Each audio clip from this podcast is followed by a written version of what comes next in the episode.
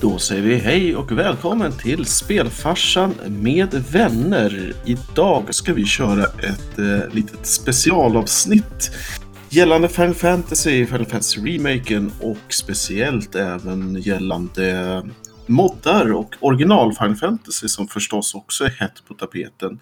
Eh, vi har med en engelsk gäst idag så jag tänkte att vi hoppar över till engelska och så bjuder jag in Peter också till diskussionen. Hello! Hello. we should probably mention that this is a returning guest to the Yeah. podcast. We had our first um, episode or deep plunge into this particular project like three years ago. Ja. But the project was very different back then, and a lot has happened, like both in the project and also on the general Final Fantasy VII heaven, if you want to say that, or like the Yeah. what the the Square Enix company as a whole has done with it. So we thought it would be super nice to do like a, a recap on all of those things, and uh, that's basically why we're here today. Yeah. So with that, we uh, welcome the man, the myth, the legend, Sinamics into the discussion. Yeah. Good to be here. Yeah. Nice, So to, nice to be invited back on a second time. right? yeah, it's been three years, so it's uh, past overdue to do like a, a recap of your amazing project. But in those days, you always have to start with the question, "How are you? Are you safe?" and all all the those stuff. I am. I'm doing fantastic. Uh, with my full time job being streaming anyway, at this particular point in time, life hasn't changed all that much. I didn't have to go outside and do a nine to five job, so it's everything that's going on right now hasn't affected me too much. Mhm. I do miss going outside, but Although, what things could be said that people are kind of becoming streamer themselves in life. Like they're forced to do what a lot of streamers are already doing, like working from home, having a lot of connections through the the internet, doing like Skype and Discord meetings, all that stuff that is like everyday life to streamers and video content creators. Yeah. That's kind of like everyone's life now yeah, it really is. which is pretty cool. But yeah, super fun to have you back, and I think you're actually our first recurring guest. Yeah. on the on the show, which is pretty cool. Very nice. I'll hold that title Yeah. close. Oh yeah, it's pretty huge. So, uh, just to, to kick us off, um, due to that, uh, probably many of our listeners doesn't know who you are and what you do and so on. You could uh, just give a little bit of recap on, yeah, uh, what you do. Yeah, for sure. Uh, my name's Sinamics. I've pretty much built my entire career so far around making mods for Final Fantasy VII, specifically. Uh, I do aim to go into 8 and 9 shortly. Uh, we have something in the background waiting to be released at a later date that should hopefully push that forward a little bit. Uh, I stream on Twitch, I have YouTube and Twitter, and you know, all your basic stuff. And I've slowly been building my own community around the aspect of creating mods for Final Fantasy VII. I've made lots of friends, and it's it's just been fantastic. Even if none of my work ever actually finishes and gets anywhere, I'll be happy that the journey alone allowed me to meet lots of new and interesting people, and I've had a lot of fun doing it. So Yeah, for sure. When I when we last spoke of you, you had just started the Echo S. I think it was you had released the first demo of um, the voice coverage. yeah, and uh, from there of course there happens a lots of new things but if we begin at that point um, is the voice coverage project still uh, a major thing or has that been a little bit pushed back to what has happened with with the development of that Well, it's it's still alive and kicking. It's very strong. Um, but granted, it's been three years since we last spoke, as you said, and hmm. at that point in time, I released the demo. And as much as I hate it, to this day, we still haven't technically got any further. but the reason mainly for that is because so many other things keep happening. Like we've started other projects and we've finished those projects, and like new technology keeps coming out, like the like Mm. the the FFNX driver, which I'm sure we'll speak about at some point, and with Seventh Heaven coming out, so many things to take my attention away from EchoS. And at that point in time, EchoS was going to be like a full remaster mod in itself. And you'd be able to turn all of the different aspects on and off, like new music and sound effects and 3D models and all these different things. But then as we've started to get bigger and more people know our name, it becomes more risky to have things like the 3D models, for example. They've always been a little bit of a gray area, uh, like legally speaking, because they're they're ripped content from other games. But even though we're not the ones ripping them from the game, it's still dangerous to re-release them. So EchoS now is going to only be a voiceover mod, and everything else is now its own projects, and anything else that is code related will be considered DLC. You know, they're they're totally free. Nothing will ever cost anything when we make something, but they'll be like additions, just add-on packs. Yeah. Yeah, Yeah, I do like that you have not really gone the not sh- casting any shadow over that project, but uh, with like um, what's the name for the project for Final Fantasy VIII? They have kind of you are supposed to give something to the Patreon in order to download the the, Oh, the right, package. Lunatic Pandora. Yeah, exactly. Yeah. But uh, That's really like a shifty area in my my view. Like the the content, the original content is without a doubt like uh, under the umbrella of Square Enix, and when you build like another product on the legacy of that, I mean, I, I can only see a lot of potential law problems creeping up.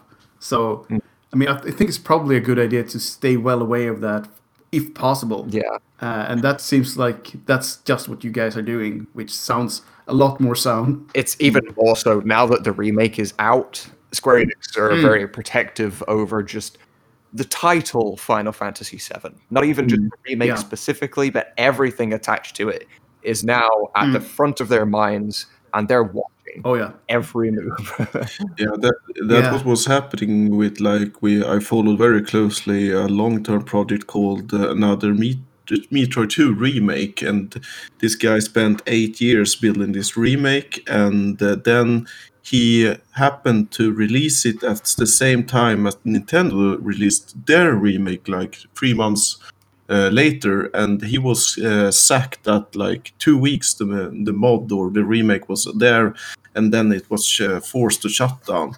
So yeah, I think it's uh, yeah you should be careful at this point because they can yeah specifically, I think because not only is Final Fantasy VII like front and foremost right now, they're trying to build like a, a new extended world on that branch. That's all, at least the conclusion that many people have reached. Like with the ending of the remake, and there are at least going to be one or two more games, but maybe also side branches. And this would probably be a living franchise for like I would say like the next decade at least. Oh, So I think yeah, having to work with, in the shadow of that, I think it's just good advice. Be humble and do your own thing, but not even pushing it as something more than like a a project of love or something like uh, something that's important to you as a person and not to get rich or anything like that which seems to be exactly what you said uh, in the introduction like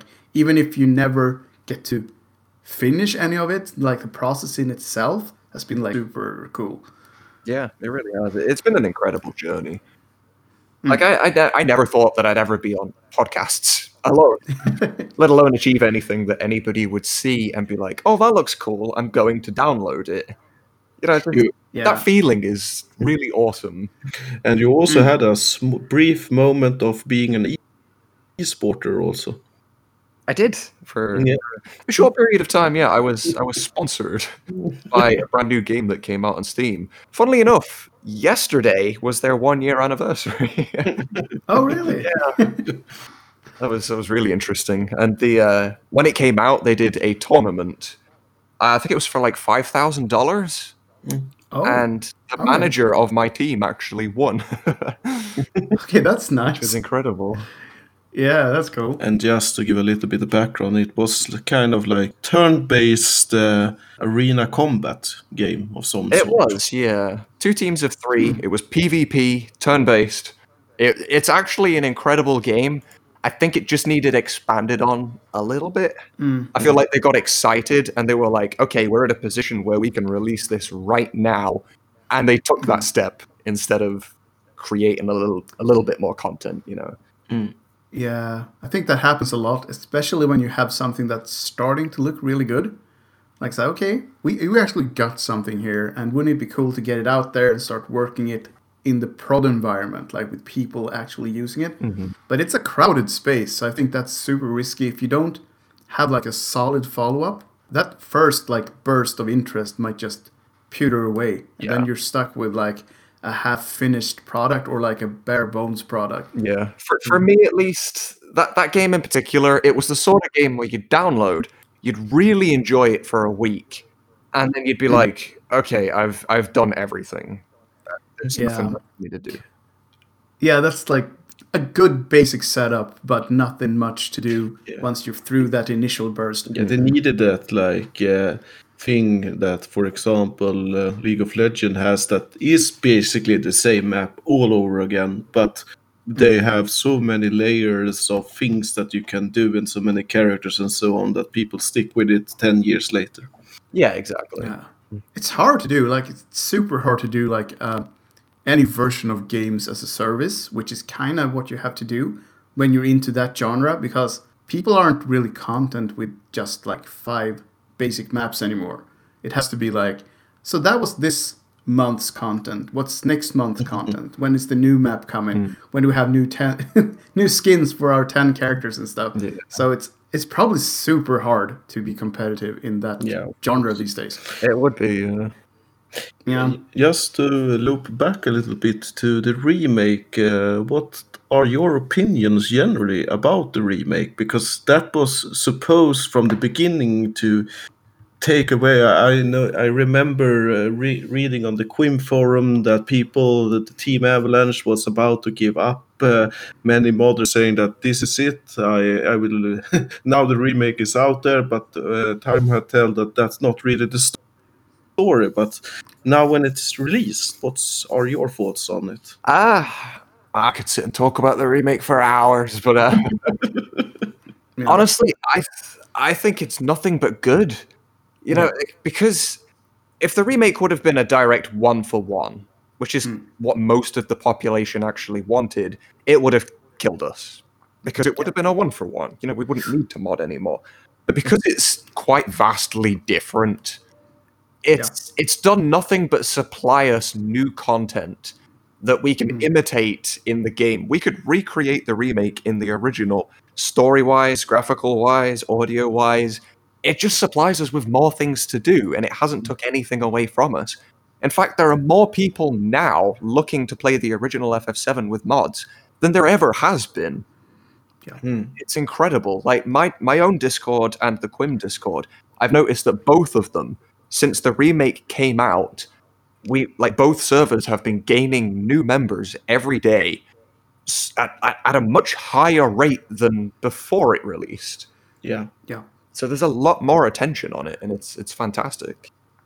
Uh, Yeah. Do what do you do? You agree with uh, the path that uh, Square Enix has chosen with it to like not only expand on the story but actually twist the story and make it. We don't we, we not know for sure what it will bring, where it will take us, but it's uh, different at least. hmm I, I I'm gonna assume it's safe for spoilers here. Yeah. I mean, if, if you tune into this show, I think you, you have You to def- be, you Yeah, have you to have- be uh, ready for some spoilers here and there. Alright, So feel free to say whatever. Uh, but yeah, I am. I was ecstatic at the way the remake came out. Like I, for the longest time, I was unsure of whether I was going to get the game because I only had a computer, hmm. and I was at the point where I was like, "It's going to cost me 300 euro to buy a PlayStation, and then another 100 euro to buy the game, and this is the only game I'm going to have because I'm not interested in any others." So, is this game worth 400 euro to me? Hmm. And eventually I was like, you know what? This it's a once in a lifetime opportunity. This is what I've been waiting for. I'm gonna go ahead and do it. and I'm so glad that I did. Um, So that's probably the highest praise you could say. It was worth getting the console for. yeah, exactly. And I see so many people are controversial about the new story and stuff, and the only thing I can say really is that at no other point in your life will you be able to experience something you already love for the first time a second time. You know, playing Final Fantasy VII for the first time ever a second time was an amazing experience. Mhm. Yeah. And I, I would- into it knowing that, so I wasn't Yeah. disappointed. That's the thing though. Like a lot I would like stretch and say that most of people who got it day one were people who have already played the original and who loved the original. And almost everyone I've heard talking about it or talked to directly have been like, you know what? It was equally as good as I remember the first playthrough because we have all rose tinted glasses at this point and we remember the good things. But when people say that this experience equals that, and the only thing I've heard some controversy about is the ending. People are not really sure how to think about it. A lot of people are more like that, oh, we'll see where this goes. But I, I don't think I've heard anyone who hated it. Everyone's been either loving it or being super impressed at least. And that's pretty cool. Yeah, if, from what I can tell, the most common opinion is I loved every bit about the game except the last half an hour. Yeah, like the truckload dumping where they just poured content and theories and stuff on you. It could have been handled a bit more smooth. I'll give them that for sure because it was like, oh my god, a lot of stuff happened. I have to process this.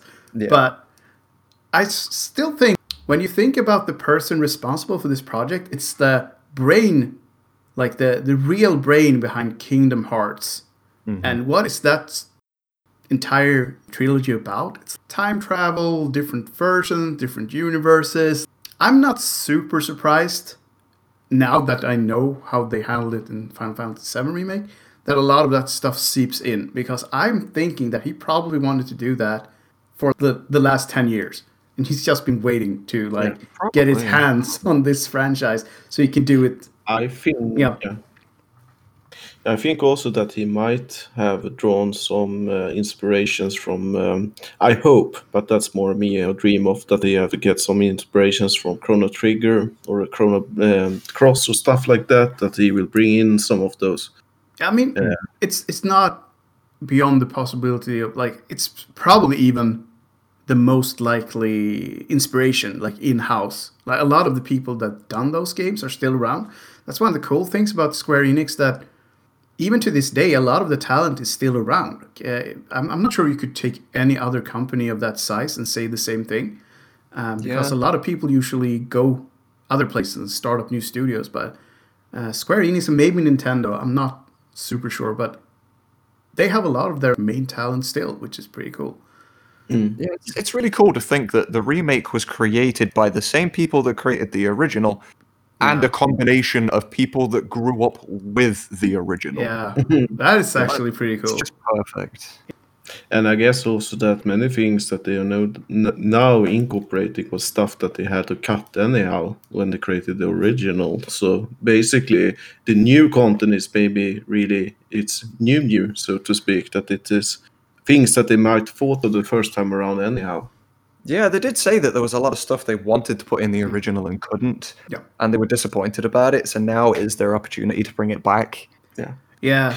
But what's what I find quite interesting is, uh, granted, the original game didn't express it very well, at least in English, because of the bad translations and stuff. But yeah, if you've ever played, for example, the Reunion mod, Hmm. which is a retranslation of Japanese to modern day English, so you can understand the story a little better, yeah, there were a few things that happened in the remake that people are taking as new content when it actually wasn't.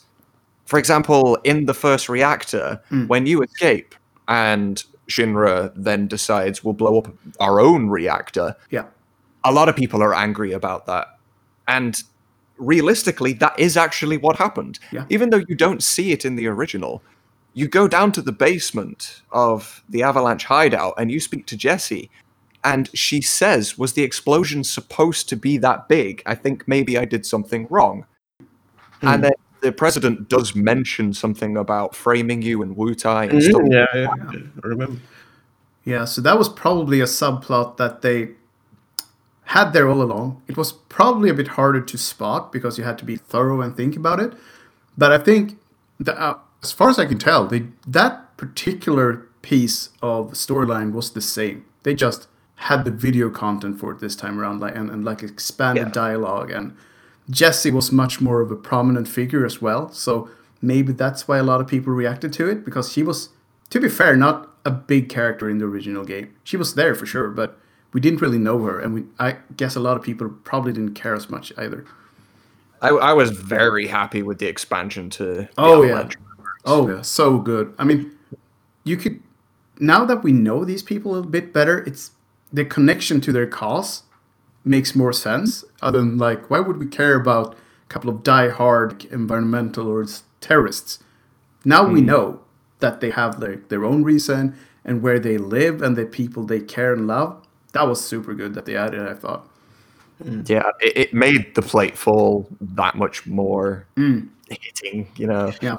What do you think about uh, the art style? Because uh, things that I got that I thought it was a little bit um, not bad, but it was a little bit surprising is that I thought that, for example, the slums would be more of neon lights and a little bit more of like this is, uh, cyberpunk feeling that uh, Final Fantasy has going, especially in the Midgar area. Now it's more like grayish, um, dirty, and so on. It's supposed to be dirty, but it was it was I felt in the original that it was a little bit more vibrant and more electric, so to so to speak. I actually quite liked the way it turned out. Like, we don't tend to have areas. I know areas like that do exist in real life, Mm. but I've never personally experienced one of those, and you don't really see them on TV either. And if you do, they're usually sets and they're fake. Yeah. But when I when I put myself into the world of Final Fantasy VII and living in Midgar, it does feel like that's exactly how it would would be Yeah. like a lot of the houses that you see, they're not even made out of bricks or wood. They're just kind of sheet metal that they've lent against each other. Yeah. Mm. Stand up. You know, it's it's just a shelter from the rain. It's really not a house. Yeah. It's more of a shanty town, to be honest. Yeah. I mean, granted, Wall Market was a bit different. I'm guessing, like, Wall Market brings in money, so they're able to Yeah. do a bit more with that. But Yeah. with, with the whole story being like Shinra is the bad guy, look what they do to us, and hmm. then you see the slums, you're like, I, I can I can get in this. I, I hmm. can feel it. Yeah. I 100% agree with everything you just said. I've seen the the shanty towns in like big big cities in India and they captured that feeling perfectly. There's a lot of people basically living beneath the feet of middle class and upper class people that never think about them, never see them, but there's like an entire world down there that has its own vibe and people go through their daily lives maybe not even getting in contact with other people. And i thought they captured that shantytown feeling perfectly. And also wall market if there's a place that would be a little bit more spruced up a little bit classier and maybe also seedier in some sense that would be that area. And i think it was super good that they had the neon lights and the bars and the like crowded semi um, creepy areas with slum people and villainous people that also made the slums more like of a normal area. It just happens to be people where poor people live. But even they get to go to the dangerous area, which was Wall Market, which I thought was really cool. Yeah. And with the NPCs in particular, I noticed that granted in in the original there's only so much you can do, but Yeah. with the remake, walking around the town, I I don't know if many people have done this, but if you watch an NPC, Yeah. obviously they have scripted patterns that they're going to follow, but it's kind of interesting to watch what they do hmm. because none of them really have peaceful lives. Every one of them has a job, no matter what age they are, really. Yeah. Mm-hmm. And even if that job isn't something they're getting paid for, it's just, oh, I'm going to pick up the litter around the town, or I'm going to move this pile of rubbish over there. Yeah. And they did kind of capture that quite well. Like everybody's moving around, you can see the struggle that they're they're going through just to survive on a daily basis. Yeah. But at the same time, none of them actually seemed sad. No, No. you're right. It's, it was just their life. And they don't know anything else. So, they did have. yeah. What do you think about the because you have done or are doing a voice uh, coverage project? Uh, do you think uh, what what's your uh, feeling when you start he- hearing the voices of uh, characters that you have actually recorded and done a lot of work with? Uh, was it like, oh, this is the sound it should be, or this was spot on, or so? So Interestingly enough, th- there's two different things that I can think of, the, the things that come to mind there. Uh, the first one being that, as we know, all of the voice actors from the original, like the Advent Children, Dirge of Cerberus, Crisis Core, all of the voice actors were recast. None of them are original. And what was quite funny was e- even with the trailers before the game was released, I would hear the characters' new voices and think, you know what, I actually prefer my actor mm. than the new one. Mm. Like Sephiroth, for example, I still haven't quite gotten used to the new Sephiroth's voice, and I will forever always prefer mine. but I've like because I'm I'm effectively a director at this point mm. Because I, I'm working with all these voice actors and they're looking for me for direction. And even though I have no professional experience doing that, playing the remake has helped me significantly with that because I've seen it done professionally now. Yeah. And one scene in particular was chapter two in the remake, where you've just blown up the reactor, you've escaped, and you're trying to get to the train. Hmm. Every NPC you walk past, you can just hear the fear in their voice. And like the children were crying and they were asking, like, when are we going to go home? And is daddy okay? And Yeah. Yeah. stuff like that. And it really made me think it's like you can convey everything in, in just your voice. You really don't need actions to get a story across like that. Not if it's done well. No, I completely agree. it made me think that even with difficulty, of course, but a, a blind person could play FF7 and still feel the same experience just through voice acting. Yeah. That's kind of interesting. But uh, to, uh, as you said, uh, due to the remake, you have got a lot of intention, uh, new uh, people that has getting interesting in all the mods and so on. And I guess that this was also not just lucky timing that uh, Seventh Heaven 2.0 was released, because, and that's um, for people who's not knowing what it is. Uh, I will let you talk more about it, but it's basically um, a package uh, program for handling mods in a completely new way to what it was in the beginning. So. Could you talk a little bit about Seven Heaven 2.0 and what it is and how you use it?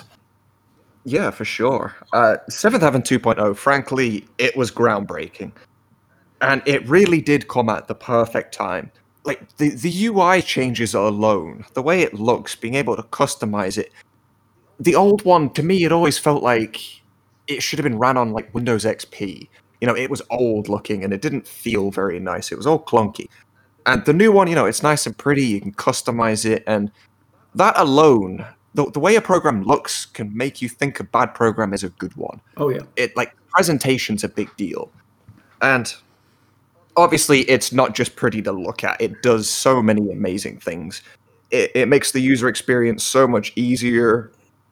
And it's but yeah, it, it's got so many new features. It makes modding so much easier.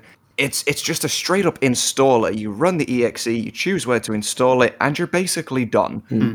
You'll download the mods that you enjoy, and you can click play, and the game just works. Yeah. Yeah. You don't have to. You you don't have to do your load order manually anymore because it's got an auto sort button, and even the, the the catalog with all the mods in it got an update as well. Yeah. bringing us all a fresh new experience, and it was fantastic. Yeah, and uh, it, it, I can vouch for it uh, personally that it is uh, a lot easier if you have the Steam version with 2.0 than it was back in the days because nowadays you don't need, uh, especially because normally if you just install Steam, it will install it in what you call it a non. Uh, a path where you need admin access and so on and now it just it just copies it to see something and uh, it just eh, as long as you have it installed on steam it's just one click and it's you're good to go Yeah, exactly. And- it's it's and i remember that you released a couple of years ago like an introduction how to get seven heaven to work with 1.0 and i think it's like 30 minutes of copying files, uh, editing config files, and a lot Yeah. of stuff just to to make it to make it work. The ori- yeah, the original tutorial was about the same length as the new one, except the whole video was how to get it to work. Yeah. Whereas the new one is about two minutes of how to get it to work and then loads of explanation of all the new features it has. Like, you can literally do it in two minutes. And I think that's a really good change. The modding scene, I could imagine, at least for a person who hasn't really experienced it, could be a little bit daunting to get into. It's hard to know what to do and how to do it. So if that first step is a small one, you only need to download this program and most of things will be sorted out for you. That'll probably bring in a lot of new people that wouldn't even think about modding their games because they're kind of afraid to break it, to be honest. But Oh, for sure. now, two minutes intro, and then you're good to go, and you can see what you're doing. I think that's like a, a huge step forward. Yeah, you should you should see the the sheer amount of comments that the video mm-hmm. gets every mm. day. People saying, "Oh, I tried 1.56 and I couldn't get it to work, so I gave up. But this is amazing, and I can finally do it." I'm, I'm talking every single day. Comments like that are coming through, and it just it's fantastic.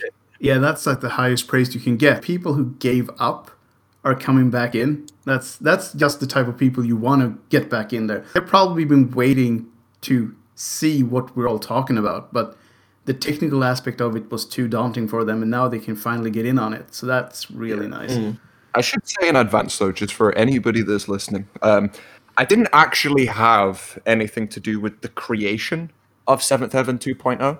Unabomb was the person that made Seventh Heaven 2.0, and because I I got early access to it, pretty much just because of who I am, basically, and I loved the program so much, and I said everybody needs to know about this. So I offered him my platform to help advertise it and get it out to the world as best as I possibly could. So I don't I don't deserve any praise for how good that program is. The only thing you can really praise me for is if you happen to have found it because of my channel. Yeah, you ba- basically helped to spread the love for it, which is super cool. but you know Unabomb did a fantastic job making that program. Definitely. And if I remember correctly, you did the initial uh, stream where the beta keys were handed out, and then Strife 90, he was doing like a follow up stream. Yeah, me and Struck 98. You know, Yeah. he's a manager of the Tsunamods team as well. it was Yeah. fantastic. We had so many people come by. It was it was amazing. Yeah. Yeah. That was what you call like the hype train was real. It Yeah. really was. And The hype train was actually a thing. when I it was yeah it was. but when I first went to Unabomb and I said to him, I think what we should do is we'll do a big celebratory st- stream and we'll give out early access keys because we need people to beta test this thing before release day. And he was like, No, no, I'm I'm not ready. I'm way too nervous. This is the first thing I've ever made, and I don't know if it's ready yet. And Yeah. I pushed him and I pushed him, and eventually he gave in. And he was like, All right, fine. I'll put my trust in you. If anything goes wrong, it's your fault. And I was like, That's fine. That's fine. Yeah. And as soon as that happened, he was like, That was amazing. Like, he, he just felt so proud of himself. Mm. That's super cool that he actually had only positive things to say afterwards. That's nice. Yeah. And I think also that uh, if you like to do something small for him personally, or then uh, I know because I asked him after uh, directly that uh, he has like a PayPal account. That if you ask him on Discord, he will probably be super happy if you like to like donate a few bucks or something like that. Yeah. Yeah, because the program's entirely free. He put lots of time into it, which obviously he didn't have to. And loads and loads of people are enjoying it. So definitely it's it's nice to have your hard work be used at all. But if people Yeah. donate towards something you've made, it's an even greater feeling. Mhm. Most Oh, yeah. definitely. And in conjunction now with the uh, the 2.0 was released, there were a few other mods also that got a, a lot of uh, attention. I'm thinking of, for example, uh, the randomizer that was featured like streamers like Caleb Hart um, 42, I think his his name is, and a few others, and of course the new threat mod, uh, and Yeah. and your own the scavenger mod. Yeah. yeah, it was it was an exciting time. A lot of things seemed to have happened all at the all at one time. Um, the randomizer was huge. People have been waiting for a randomizer for FF7 for for the longest time, like on ten years maybe now. And Sega Chief managed to pull that out out of nowhere. There was no advertising. There was no hints that he was working on it. It just it just dropped one day, and everybody was like, "Oh my god, this is the best thing I've ever seen." Yeah, it's super cool, uh, and I think that's i- if something will be featured on, for example, Games Done Quick or any other speedrun uh, gatherings, then it will be the randomizer because people kind of love the randomizers there, especially for like Link to the Past or whatever Metroid or whatever randomizer that is out there. Yeah, yeah. A, a lot of games do have speedrunning categories for randomizers. I'm not entirely sure if they're all forced to use the same seed to make it fair, but I, I don't know. But either way, that's something you can still do in this one or not. Hmm. I think hmm. 50% of the randomizer we have right now for FF7, it's it's technically a lie. because if you have like the model randomizer on and you get into the first encounter of the game, you could come across a Tonberry and Jenova, but technically they're not actually a Tonberry and Jenova. They just look that way. Yeah, okay. Yeah, otherwise it would be a very short run. Yeah. indeed. Like he's able to have enemy stats grow with you, so no matter what enemy you come Mm. across, it will be a fair fight. But it'll always have the damage and the move set of the enemy they're replacing. Mm. So it's Okay, It's just a skin. that's a good balance. It's just a skin, Yeah. basically. That's all it is. But eventually, I think he'll crack it, and we'll Yeah. get a real one. yeah. But uh, talking about game uh, mod, uh, game changing modifications, so to speak, not the only the, um, the graphical and the sound and so on, you have completed your scavenger mod, uh, and that's a little bit uh, different. It's uh, it's um, yeah, you can describe it. The scavenger mod. Scavenger mod, yeah. Um, that one's quite interesting, actually. Um, the way the scavenger mod came to be was I watch a streamer on Twitch called Death Unites Us, or he also goes by 48 Productions on YouTube.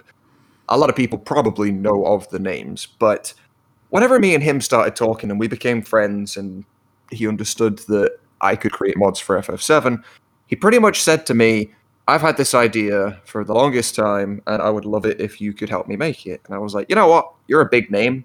I can benefit too, so I'm in. Yep. and weirdly enough, the idea he came up with is already kind of in the game. We've just made a way to enforce it. Is that you can only use the equipment, the items, or the materia that you find in a dungeon. And by dungeon, what I mean is sort of like a section of the game, kind of like the chapters in the remake. And every time you finish one of those chapters, you are stripped back to your initial equipment. You lose all your money, lose all your gil. Your like your your sword will go back to being the Buster sword, and you'll have the bronze bangle on for every character, and you're just left with new game, basically. Hmm. But you keep your limit, your limits, and your levels and stuff like that. And you you also keep three copies of the steal materia, the morph materia, and the enemy skill materia. So you can use those to try and steal from enemies and morph enemies to get more items to keep you alive. Yeah. And it it was interesting because whenever he said he thought about this, he noticed that many times in the game you'll find a new weapon on the ground right before a boss, or an armor on the ground, or a steal from something right before a boss that will actually help you with that boss. And not just because that weapon or armor is stronger, it's it's almost like it's designed that way Mm. like if you're going to fight a lightning enemy, a lightning boss in the next screen, you'll randomly find an armor that will have 50% lightning absorption. And you're like, well, that's a coincidence. like with Gi Nattak, as soon as the screen right before Gi Nattak, you turn left a little bit, you get a chest, and it's got an X potion in it. Yeah. And that X potion is a guaranteed 100% insta kill on that boss. Yeah. It's the game's way of saying, if you need a hand, I've Mhm. got you. And so we just enforced that rule and made it a bit more obvious. But uh, was it tricky to like? Uh, did you need to do something in order to make it what do you call it possible to beat it, or was it like by design that uh, uh, as long as you have these the steal and the morph and so on, you are always kind of uh, able to to survive, or did you need to make any modifications in order to make it make it possible? No, it was totally possible from the get go. In fact, people have made challenges where they've done the entire game without even shopping Mhm. at all. So Okay. uh, all of their potions, they'll steal from enemies, or they'll win from enemies, or they'll morph, or it'll just be rewards for winning a fight. And I thought to myself that that was an insane idea because you lose your gil as well every time you hit a checkpoint. You've got no cure materia, you've got no potions, you've got nothing.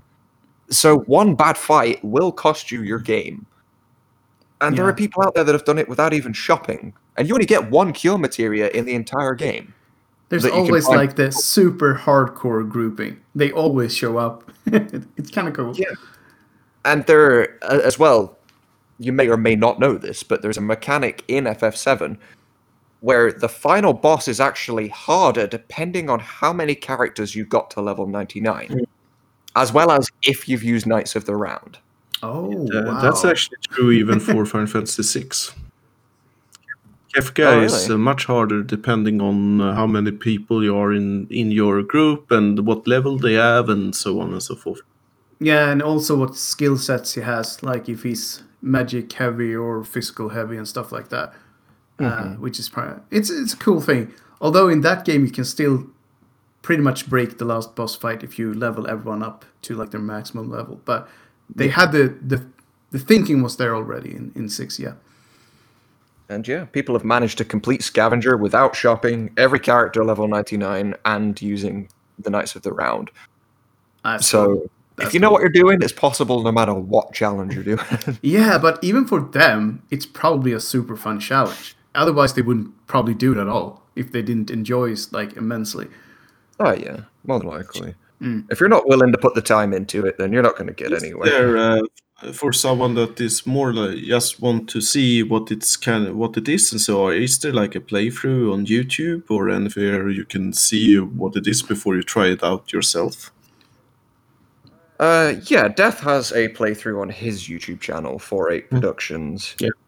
Uh, I don't have one myself. In fact, even though I created the entire mod, I'm yet to actually play it.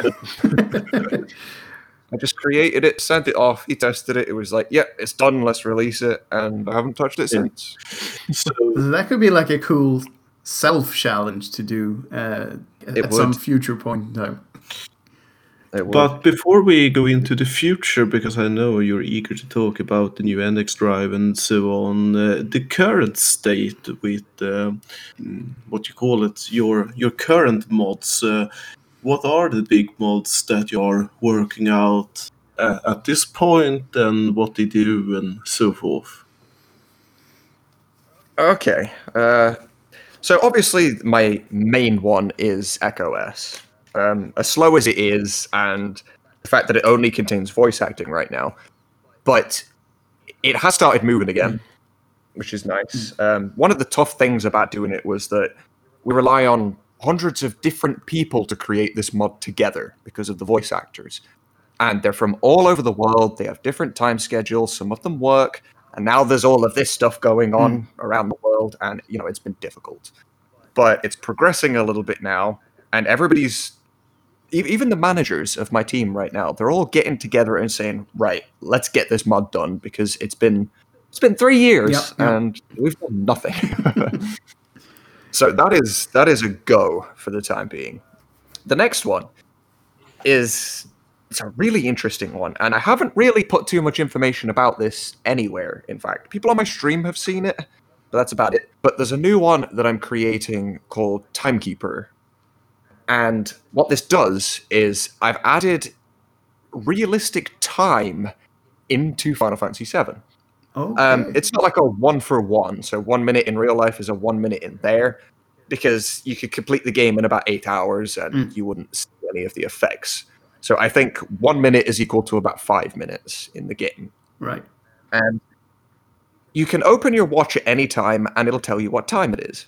But it will also tell you what day it is, what month it is, and uh, I don't think I've bothered with years actually. But it will tell you that it's like Tuesday the 14th of October, for example, and it could be 7:14 p.m. All right. And what's interesting with it is it's opened me up to so many new things I can do. Like the sun does actually set, it does get darker and it does get brighter, and the, the color of the sky will change depending on what time of day it is.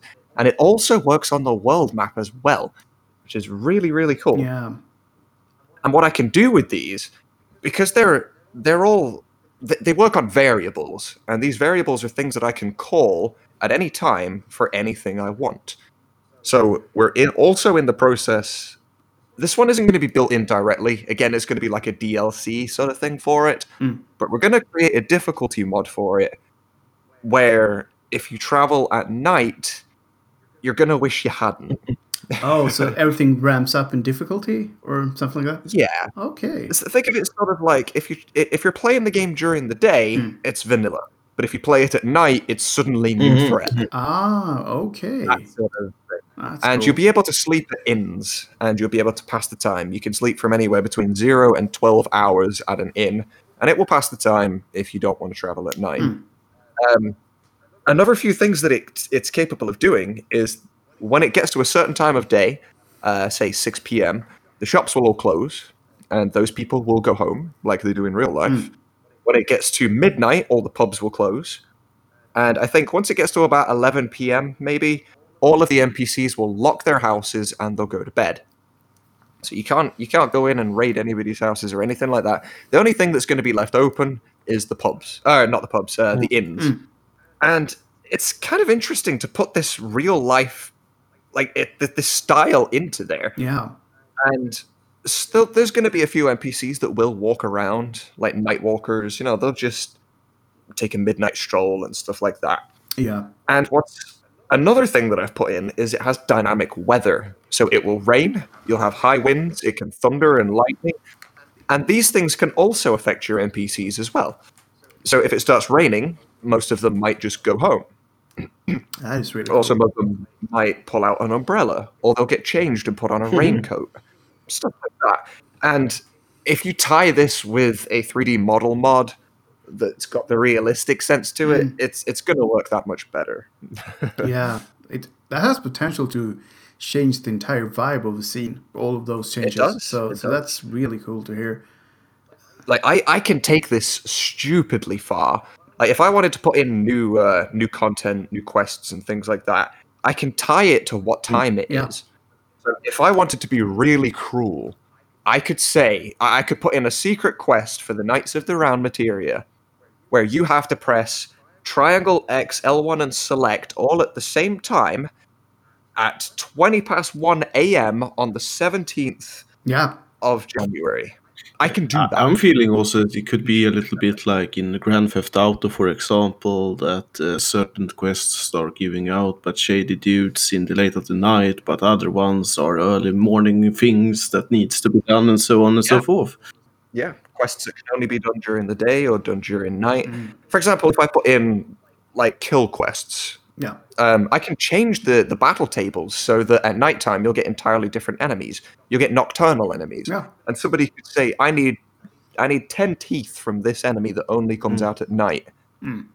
And you know, then you'll only be able to accomplish that mission And then night. you get like what the Dragon Quest Eleven did really well because that's exactly what it does. Uh, certain enemies are only uh, you are only able to find them at night and kill them at night, and they are and you need to do that in order to progress the side quests and so on and so forth. So I especially think if you introduce a mod that is a little bit of like an enemy hunting side quest and then you could really benefit of like having certain uh, enemies appears when it rains and when it's night Get something for it Yeah.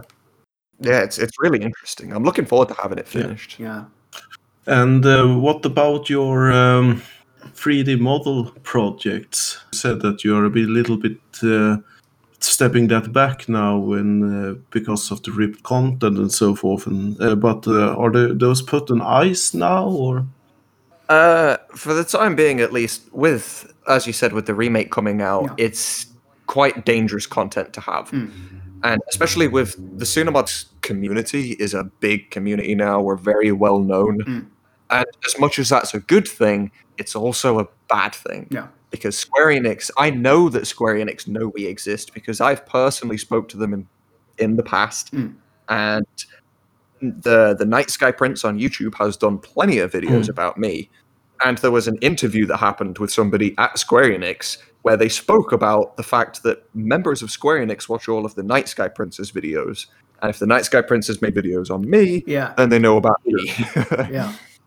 So, for the time being, at least, um, the mod for the 3D models is named the Cetra Project, but it's no longer going to be supported by our team. Yeah. So, if anybody decides they want to carry on the work and upload it themselves, Yeah. that's their Mhm. problem. But what do you recommend then for uh, using? Uh, what mod do you recommend for 3D models? Well, I know it will pop up again, so it will be able to be downloaded in places. I don't know where yet because it's still too early. But if that's not your style, then the next best one to go for is probably Chaos. Mm. Um, Chaos has done the main characters and all of the NPCs. They haven't done the enemies or anything battle related, other than the main characters. But they're in they're in like a stretched chibi style. So you know how like the battle models and the field models looked entirely different. The field models looked like Lego, and the battle models were kind of Yeah. detailed, a little bit. Yeah. The, he's basically done all of the field models to look more like the battle Mhm. models did, and it Oh, okay. it fits the aesthetic of the game, which is quite nice. Yeah, they are little. So that's Hmm. Yeah. definitely the way to go outside of the Cetra project when it eventually arrives on Yeah. the internet. Yeah. It's a little bit uh, not sad. I, I co- completely understand you, but you did so amazing work with the Cetra project, and it looks really, really fantastic. So, for those one who has not tried it, um, yeah, it will show up somewhere. But it it, it looks super great. Yeah. And I, I feel like even though somebody else will be taking over it and it won't have our name on it anymore, anyone who finds it, they'll know that a lot of the work is ours, but there'll be no actual evidence of it. And that's the bit that we're looking for. Mm. You know, if our name's not on it, we're safe. But will this affect the uh, the if you, if you're thinking about Project Edge, for example, when where it's a remastering of all the backgrounds? Uh, It's not really ripped; it's more like restored. Then, so that shouldn't be a problem. Or what's your thoughts on the Project Edge? Uh, no, Project Edge will be totally fine. Uh, he makes all of those 3D scenes from scratch himself. It's 100% custom. He just bases it on the original design. Yeah. So that is that mod isn't going anywhere, and I cannot wait for it to be finished. His newest stuff looks phenomenal. Especially the reactor scenes that Yeah. popped up yesterday. Oh, it's yeah. super cool. And I think this final count was about 78 or something like that, and it's about 600 scenes or something, something like that. But now the remake's out, he's got a bit more inspiration of what they actually look like from different angles and stuff. so I'd say it'll help a lot. And the benefit too is, even though in the game it's just a 2D image, he's created them in 3D and he keeps them all. So eventually, what I'll be able to do is I can actually remake all of the CGI in the game by using his 3D fields and whatever character models I have Yeah. at the time. That's really cool, Yeah, and that's that true. can also lead us into your latest super ambitious project, uh, or not really yours, but you're using uh, the NX Drive that will open up a lot of new possibilities for the mod community. Uh, well, yeah. Uh, the FFNX driver is created by True Odin. Uh, he's a member of my team now as well, and it's it's incredible. Uh, I don't really know how to put it into words, but it's compatible with Seventh Heaven 2.0, which is amazing news to begin with. Or you can use it on your own on the Steam version if you like. Uh, it's also compatible with Final Fantasy VIII, the same driver. So all of the effects that we get from seven, you can just stick into eight as well, and it'll work perfectly. But some of the biggest benefits that this has, and Cetra Project is a good example of this. Um, when you use the old driver that came with Seventh Heaven 2.0, a lot of the time you'd run into texture memory issues. Because us as modders, we're pushing the boundaries as much as we can. We're making 2K and 4K textures, and the 3D models are really high quality and all of that stuff. But we forget that this game was made in 1997 Yeah. wasn't designed to cope with this size. and a lot of the time, the driver will just it'll panic and it will crash, and your game will close. And it's extremely common. The FFNX driver won't do that anymore.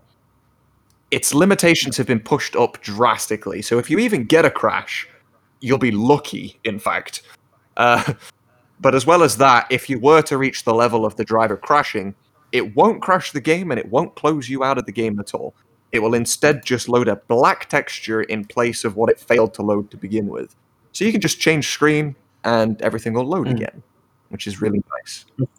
Um, That's a big improvement. I It is. It's like It- it expanded really- to one gig of RAM instead of like a few hundred meg or something. It, it was like tenfolded in in expansions. Yeah, exactly. And and it directly ties into the, the second biggest feature that it has is it now has support for DDS textures, which is the same texture format that every AAA title game uses instead of PNG files. And Mm. I don't exactly know what the difference is. I only know because they've explained it to me a little bit, so I could be totally wrong here. But from what I from what I think, the DDS texture format is better because the your graphics card in your computer it's it's capable of reading the DDS textures much easier than it can a PNG. And one of the things it does with it is when it loads a DDS texture, it will keep it in your graphics card's memory rather than with a PNG every time it's needed your graphics card will load it again. So if you if you change screens, if you've got two screens and you keep flipping between those two screens, every time you load that next screen, it has to reload all those PNG files. But with DDS, it loads it one time and that's it. It's loaded until you close the game. Yeah. As So it basically caches everything Yeah, until you exactly. end the session. So load times are faster. They're actually slightly higher quality as well, I believe, because it has something built into it called MIPMAP. Uh, I, I'm not even going to try and explain what that is 'cause I don't know.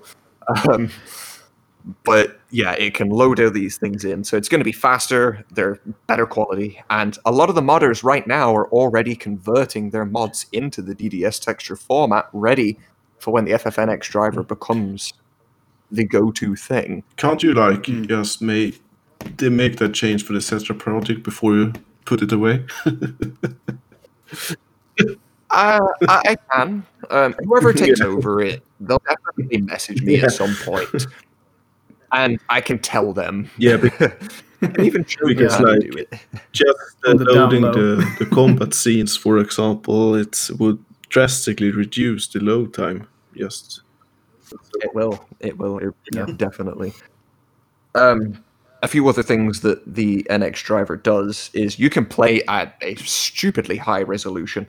Uh, right now, I have my game running at normal 4K resolution, but then it has something built into it where it can upscale your internal resolution by a factor of whatever number you put there.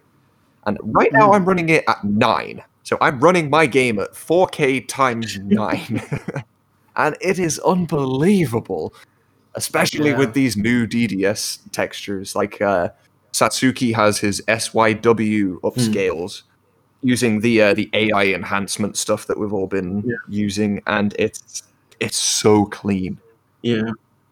It's And I think also, uh, you did you say that it will it will support FF9 also? I'm thinking of when Moguri is releasing his upscale work. Uh, it'll support FF8. I don't know about 9 yet. But the Lunatic Pandora pack and anything that McIndus makes for FF8 will definitely Mm. benefit from it as well, yeah. Yeah, that's really great to hear. And also, if I'm uh, Yeah. reading the stuff correctly, you can make uh, a lot of like gameplay uh, changes, like animations, and you can have controllable summons and a lot of other stuff also. Uh, that isn't. It's not. T- it's not FFNX that does that. Um, that's another thing called Sister Ray. The reason these things may be confused, if anybody that's listening happens to have come across my post on the Qhimm forums, is that a new mod manager is on the horizon. And this mod manager has FFNX built into it, and it also has Sister Ray. Uh, not built into it, but they will be built together so they can work in harmony. And the descriptions can sort of mingle towards each other. But Sister Ray is. Again, I don't have powerful enough words to describe Sister Ray. It's ridiculous. We thought that we could do anything to this game before, but we were we were totally wrong. Sister Ray has took Final Fantasy VII and it's put it in the palm of your hand, and you can do anything you want with it. It's uh, videos, for example, that we've used to advertise it is in battle PHS, which is incredible. So if you've ever played Final Fantasy X, the way that game worked was you'd have your three characters in your battle, and they'd all be good at a certain thing. And if you had an enemy that none of your characters could go against, you could swap your character out for another character mid fight and take out that enemy with the correct character, which was something you could never do in Final Fantasy VII, but now you can. Mm. So I'm excited for that to come out and for other mods like New Threat to take inspiration from that because I know that if New Threat and Sister Ray got together, it would probably be the best thing that ever existed. Yeah, just getting the ideas into the right people's heads so that they yeah. start to merge. Yeah. yeah. Yeah, and as as well as that, sorry, um, as well as that, some other things that Sister Ray can do is uh, controllable summons. Again, like Final Fantasy X, when you summon uh, an Aeon, you control it until it dies, and that's Yeah. effectively in FF7 now as well. Uh, we have these new animations and stuff. We were always capable of putting new animations in, but we effectively had to replace an existing one to make the new one, or we'd have to trick the game and we'd have to hot swap things in at the right time. But this just straight up allows you to just add more, an unlimited amount by the looks of things. For example, Cloud now has a Punisher stance. So you can do a specific move, it will put Cloud in Punisher stance, and then he'll physically counterattack when enemies hit him.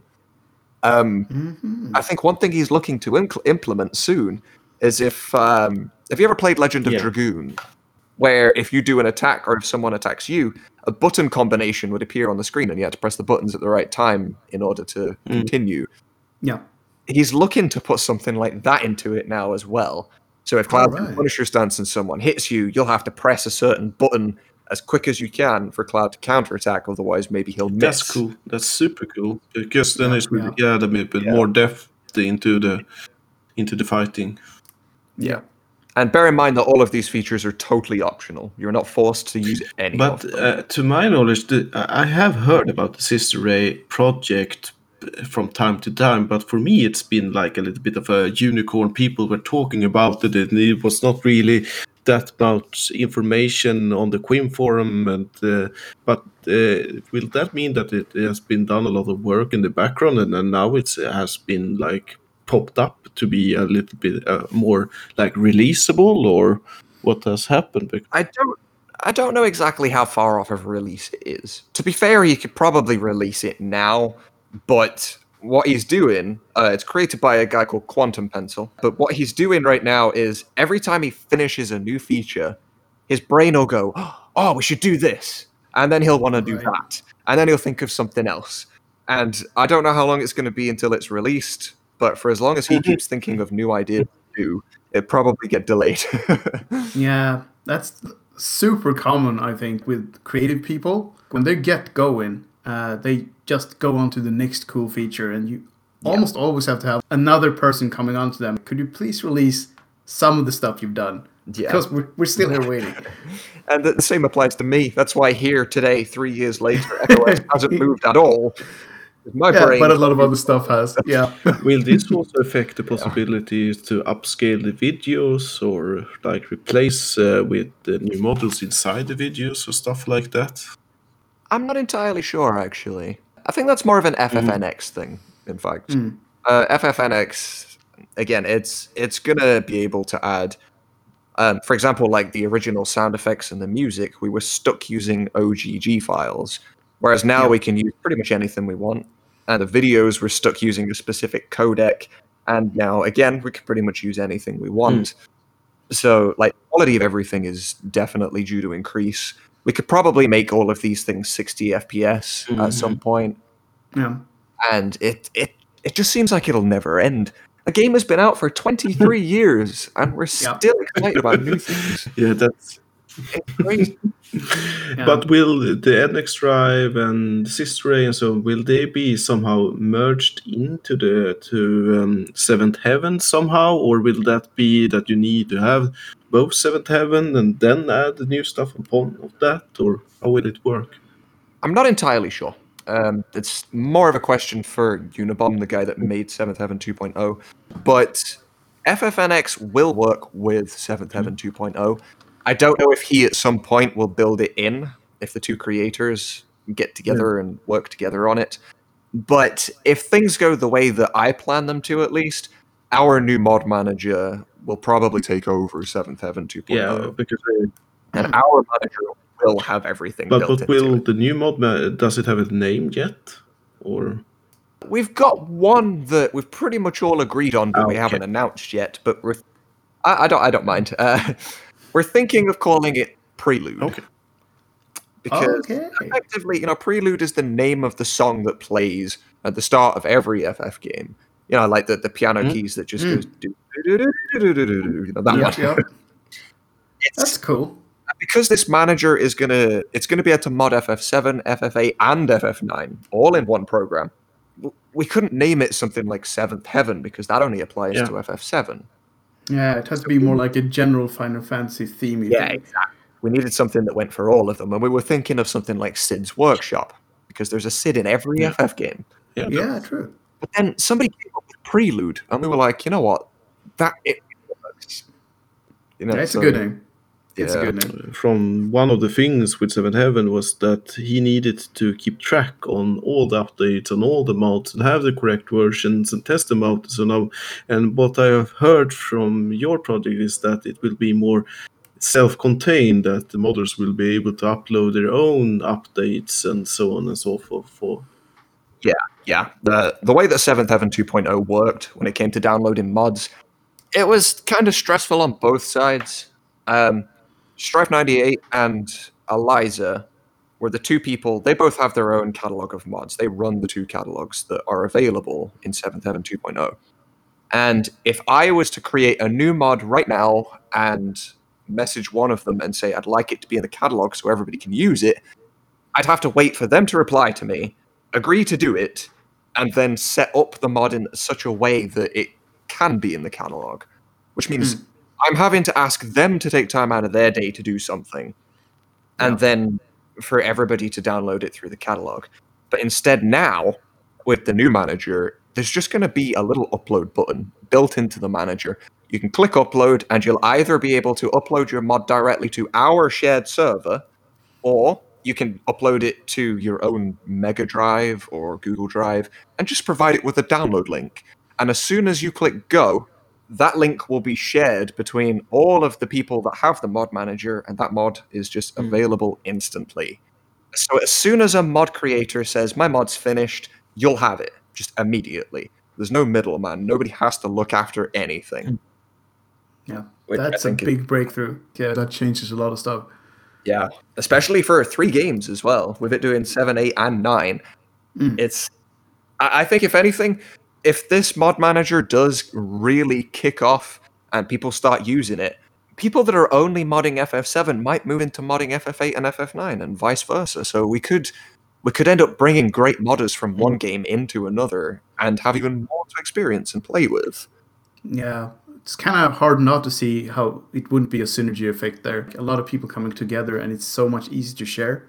So yeah, that that would probably happen to some extent. I would think. Yeah. Yeah, and uh, are your if you get back to the basic and your streaming career and so on, what uh, what do you see the next year? How will you evolve your streaming? Will it be the same, or will you introduce new things to it, or what's your plan? This year is the year for Echo S. hundred percent. Hmm. We've all, all like me and the managers of the team and the voice actors, we've got together and we've we've pretty much said, look, we've been lazy. We've done all these other things and they're amazing and everybody loves them, but everybody knows us because of Echo S. We need hmm. to get this done.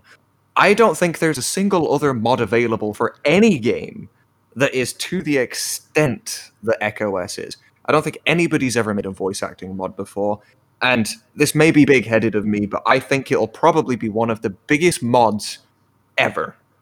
Like for any game. At least that that's my hopes. And there's nothing wrong with dreaming big. no.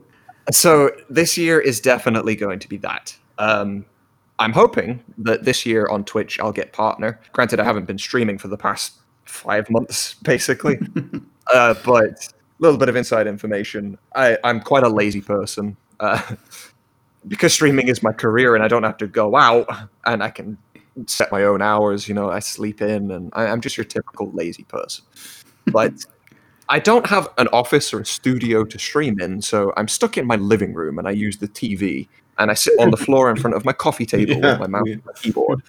So setting up my lighting and my green screen is a pain in the ass because it's the living room. I have to Ah. put it up before stream and then put it all back again after I finish. Yeah. The living room goes back to normal. But it was about four days ago. I bought an entire new system for my, my green screen and stuff where I can just have it behind me, lift it up off of the ground, it clicks, and I'm ready to stream. It Ooh, takes great. 20 seconds. And that's due to arrive in three days. So hopefully by then, with, with me not having to sit and be like, oh, I kind of want to stream, but I don't want to set everything up, I'll just be like, Yeah. you know what, I should stream now. Just lift it up, click, click, go live, and I'm ready. So So if you're not if you're not live, you won't have that excuse anymore. It has to be something else. yeah, like- exactly. And plus, with streaming being my job, the less I do it, the less money I have. So True. I, I definitely need to get back into it. So it's gonna be a busy year, uh, from what you say. The Echo S thing is pretty major, and it's finally getting ramped up. uh, Yeah. Hopefully out the door, and also getting back in on the like active streaming. So that Yeah, Two- and two i- really if cool something. I could wish for that I think was really interesting that you did is if you could do at some point a few more of these, like you had these tutorial vid- uh, tutorial streams for getting people into like how to import like a new background or how to like get going with adding a new model or whatever. And I think those, uh, at least for me, was kind of inspirational because then. For people that are interested in doing new mods but not know, how to begin. I think those are kind of important, for Yeah. example. yeah, all of my tutorial videos on YouTube, they're eventually, well, soonish, they'll all be privated, and I'm going to hmm. remake them all from scratch. Because just like our podcast three years ago, they like, my microphone was awful, and I'm a lot better at it now, so I can explain things better. And new hmm. tricks have come out since then. Like for example, when I imported a 3D model back then, I would Yeah. have to use trickery to lower the polygon count of that 3D model because it was an old game and it couldn't take a high quality model. yeah, But uh, one thing I can say, because it's not going anywhere, I'm not going to be releasing it, is just for just for my own satisfaction. I recently imported the remake Barrett model. Mm. I haven't had to chop it down at all. Oh, It nice. is it is identical to the remake Barra. It is full like 250,000 thousand polygons. It's loaded. It looks amazing. I've been able to bypass all the limits that FF7 previously gave me. Yeah, so now I want to That's teach really cool. else how to do that. Mm. Especially if I'm going to be dropping Cetra project and leaving it onto someone else. Yeah. I want to be able to make videos so that person can come back and learn from me and continue Yeah. my legacy that way. Exactly.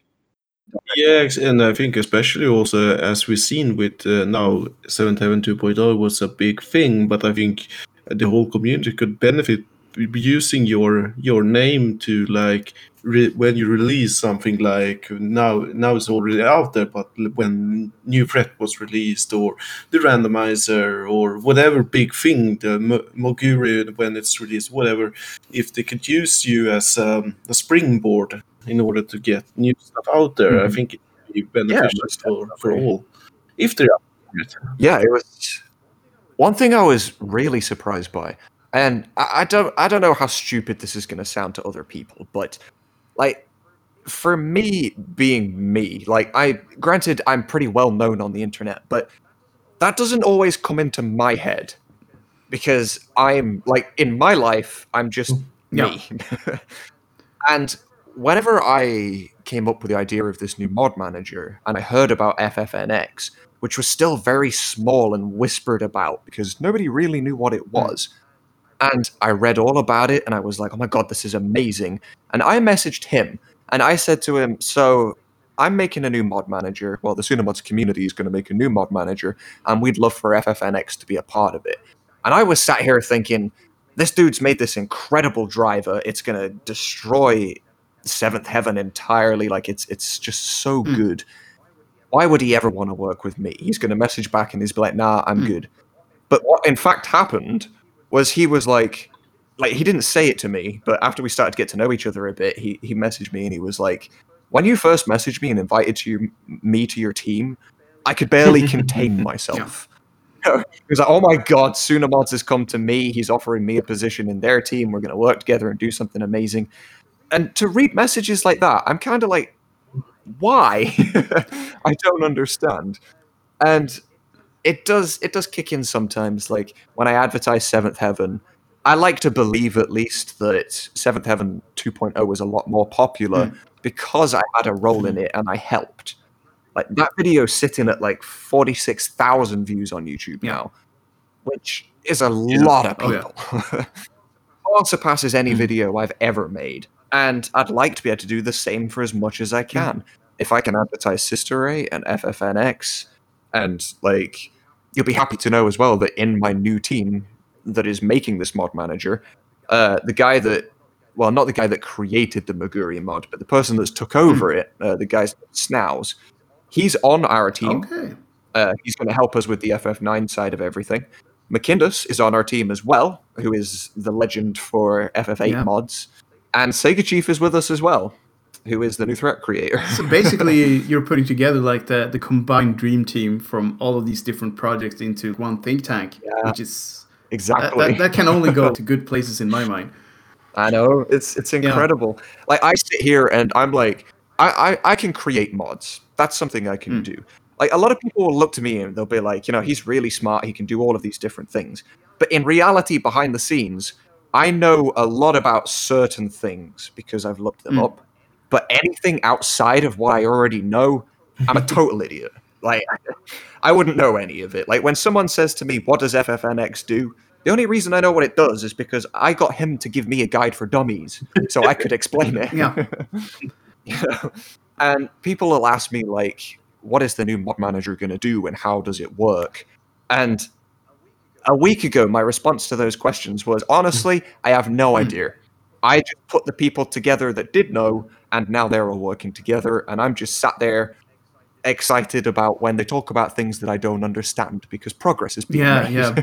So it's more like networking, getting people to talk to each other, and then giving you like a, a condensed briefing about what they're doing and how it works. So like, yeah, exactly. uh, I was yeah, just the connection and the linchpin for all of these things happening. So that's pretty Yeah, cool. uh, but slowly but surely I'm learning inadvertently. I'm Yeah. watching what they do mm-hmm. and I'm picking up on it and just about to put like a really far-fetched idea out there, but do you think at any point now when you have all these talents and all these people and so forth that you should go along and make a, an entirely new game? We've thought about it. We definitely hmm. have. Between between all of us, we definitely have the skill set required to do it. It's just a case of if we ever actually bother doing it. Uh, Yeah. We're all so invested in FF7, and a few of us do make money doing it. But you know, in in the entire in, in the pool, the, the entire community regarding FF7, FF8, FF9 modding, there's only a handful of lucky people. If there's a hundred modders out there, maybe ten of them are getting paid for what Yeah. they're doing. And it would be nice to create one big team where we made our own game and we could Mm. all get paid Keep- for it. Oh yeah, sure.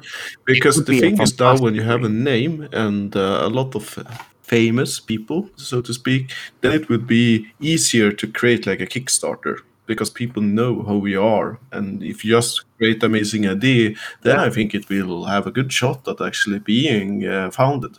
Yeah, exactly. And with us all being die-hard Final Fantasy fans, you could pretty much guarantee the end result of us creating a game would be very Final Fantasy like. yeah. Because we all know Yeah. these games inside out. And it's And- the type of games you all want to play as well. So it would be weird to go outside Yeah. of that box, considering the talent you brought in. Uh, as long as you do a turn-based, I'm fine with it. Yeah, exactly. It's it, it sounds almost too perfect because we all know the games very well. We have the skills to do so, and anybody that knows who we are likes the type of game we're probably going to Yeah. make before we've even made it. Yeah. So it's, it's just perfect. Could be a really cool Yeah. thing. Yeah, if So everything maybe, aligns uh, perfectly. Maybe in like three years when we do the next recap, maybe you have a new game then. Yeah, exactly. I- yeah, you never know. I I mean, it's it's not on the table at the No. minute, but it's definitely something I would love to do. Like, I, I went to college originally for games design because that's what I wanted to do, and then because I was still like 18 at the time, my brain set in. They're like, ah, you know, this is just a dream job. Get something more reliable. But after actually making modding Final Fantasy VII my career, it my, my brain turned around and said, hang on a minute. You didn't want to make games because it was a dream job. What the hell do you think you're doing now? You know, this is a dream job. What are you doing? yeah, you're basically doing it already. So you know that that first thinking wasn't as weird as you made yourself think later on. Yeah. When it comes to Final Fantasy specifically, I think me and Mcindus are the only two people that are capable of making money. Because Mcindus makes a lot on his Patreon. Yeah. Because his mods are fantastic. And he's basically the only person paying any attention Yeah. to FF8. Yeah, weirdly And, enough. Yeah, uh, as as it was mentioned at the pretty much at the start of this podcast, he has the Lunatic Pandora pack, which you do pay mm. for. Um, because at the time we were talking about the little grey areas in Yeah. having paywalls and stuff on your mods, but Mcindus was really smart about it because all of the mods that are inside Lunatic Pandora are available for free individually on the Qhimm forums yeah, what you're paying for in the Lunatic Pandora pack is just the installer. That's it. super smart. Yeah, Yeah. So he's breaking no Yeah. laws. He's totally clean and he's So making so plenty of money from it. And it's It's a proprietary Seventh Heaven. yeah. He's basically built a Yeah. client, but he No, no, hasn't yeah, yeah. tried to sell Yeah. anything that he doesn't own. So that's super smart. But will Yeah, that go exactly. away when um, the your new mod manager will arrive at some point? Will that be put out of business, so to speak? So we took this highly into consideration. With Mcindus being somebody that's directly on our team and working with hmm. us, he did make it a very big point to me. He says, as much as I love the sounds of your new mod manager, I'm concerned that it's going to take away a lot of the money I Yeah. earn. So we came up with the whitelist idea. Right. And a lot of people have messaged us and have said, I'm concerned about the whitelist idea and paywalls and stuff like that. And just to clarify, a mod cannot be behind a paywall if it is completed because it mm. is illegal. Yeah. The only reason we have the whitelist, and bear in mind that people might not ever charge for their mods on the whitelist, ever. But the idea behind it is if I'm making a new demo for Echo S and I want to put it out to, say, 20 people for beta testing, if I set it to whitelist, I can get the ID number of those 20 people because you make a profile on the new mod manager. I'll get their ID number and I'll put it onto the whitelist for Echo S, and only those people will be able to download the mod, which is really nice for yourself when you're testing it as well, and just to make sure that the community doesn't get it all at once when it's broken. Mm. Yeah. Um, and for people like Mcindus, what he can do is on his Patreon or in his Lunatic Pandora pack, when they pay, they'll be paying effectively for the ID number of a mod that is in beta. And when they've bought it, they can put the number into their manager. And Mcindus will already have their ID number and set it to the whitelist already, so they can't just hand that out to other people and everybody gets it for free. But then they get beta access to his mod because mm-hmm, they mm-hmm. paid Yeah, that it. sounds good.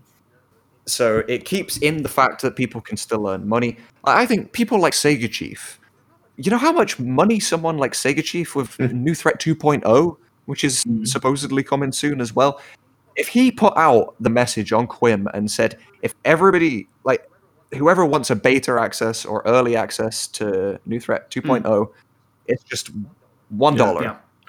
He'll probably pay his rent that week and maybe the Yeah. next Oh, yeah. week in a day. Easy. Very probably, yeah. But you can't, you know, in today's society, you can't do that. It just doesn't feel right on a forum asking people, like, would you like my mod? Will give me money.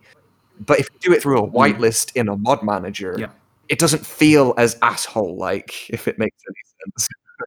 so I'm hoping more people will benefit from it as well.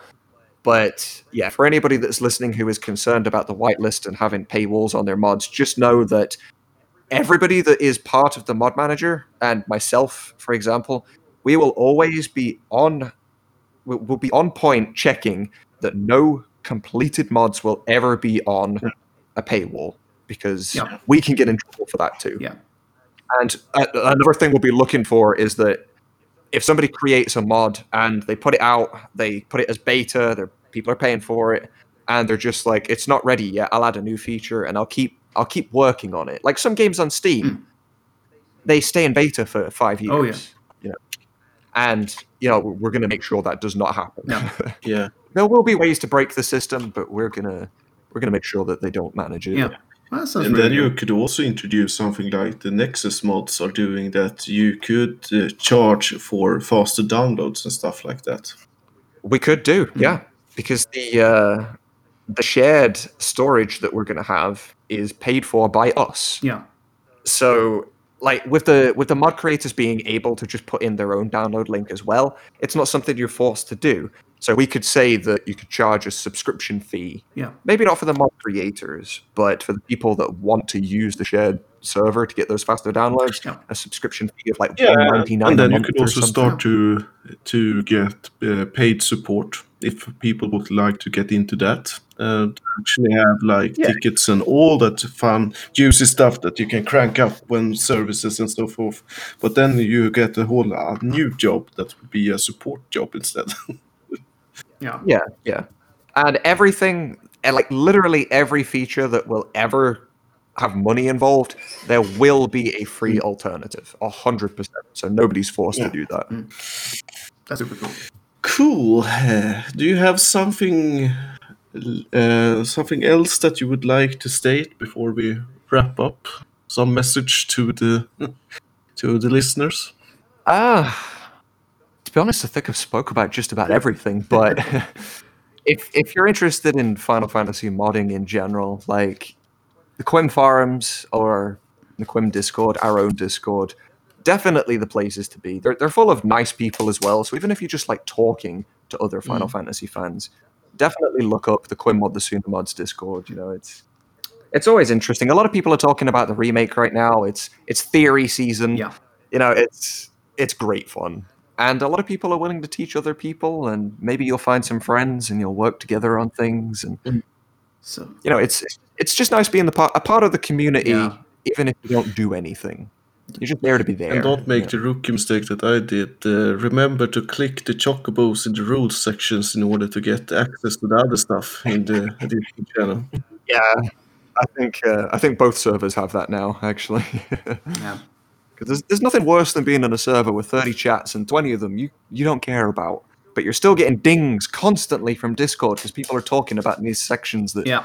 you have no interest in so you just turn them off Yeah. It's a good reactions. feature for sure. Well, then uh, we will thank you so much for having uh, you with us, and we will hope to see you on stream in the near future. Then, Yeah. yeah yeah. Sounds pretty good. But yeah, it's been super fun once again, uh, having a recap and shooting the breeze for one and a half hours about things we love. And Yeah. we'll we'll love to have you back on the show at some point in the future, obviously. Uh, but yeah, big thanks and super interesting to hear about all the new mods and your upcoming projects. Yeah, it's, it's exciting just to talk about. I can never get bored of this stuff. no. Well, with that said, we will uh, wrap up for tonight and say goodbye for uh, to our listeners, and uh, we will catch you next time in the next episode. Thank you and good night. Yeah. Bye bye.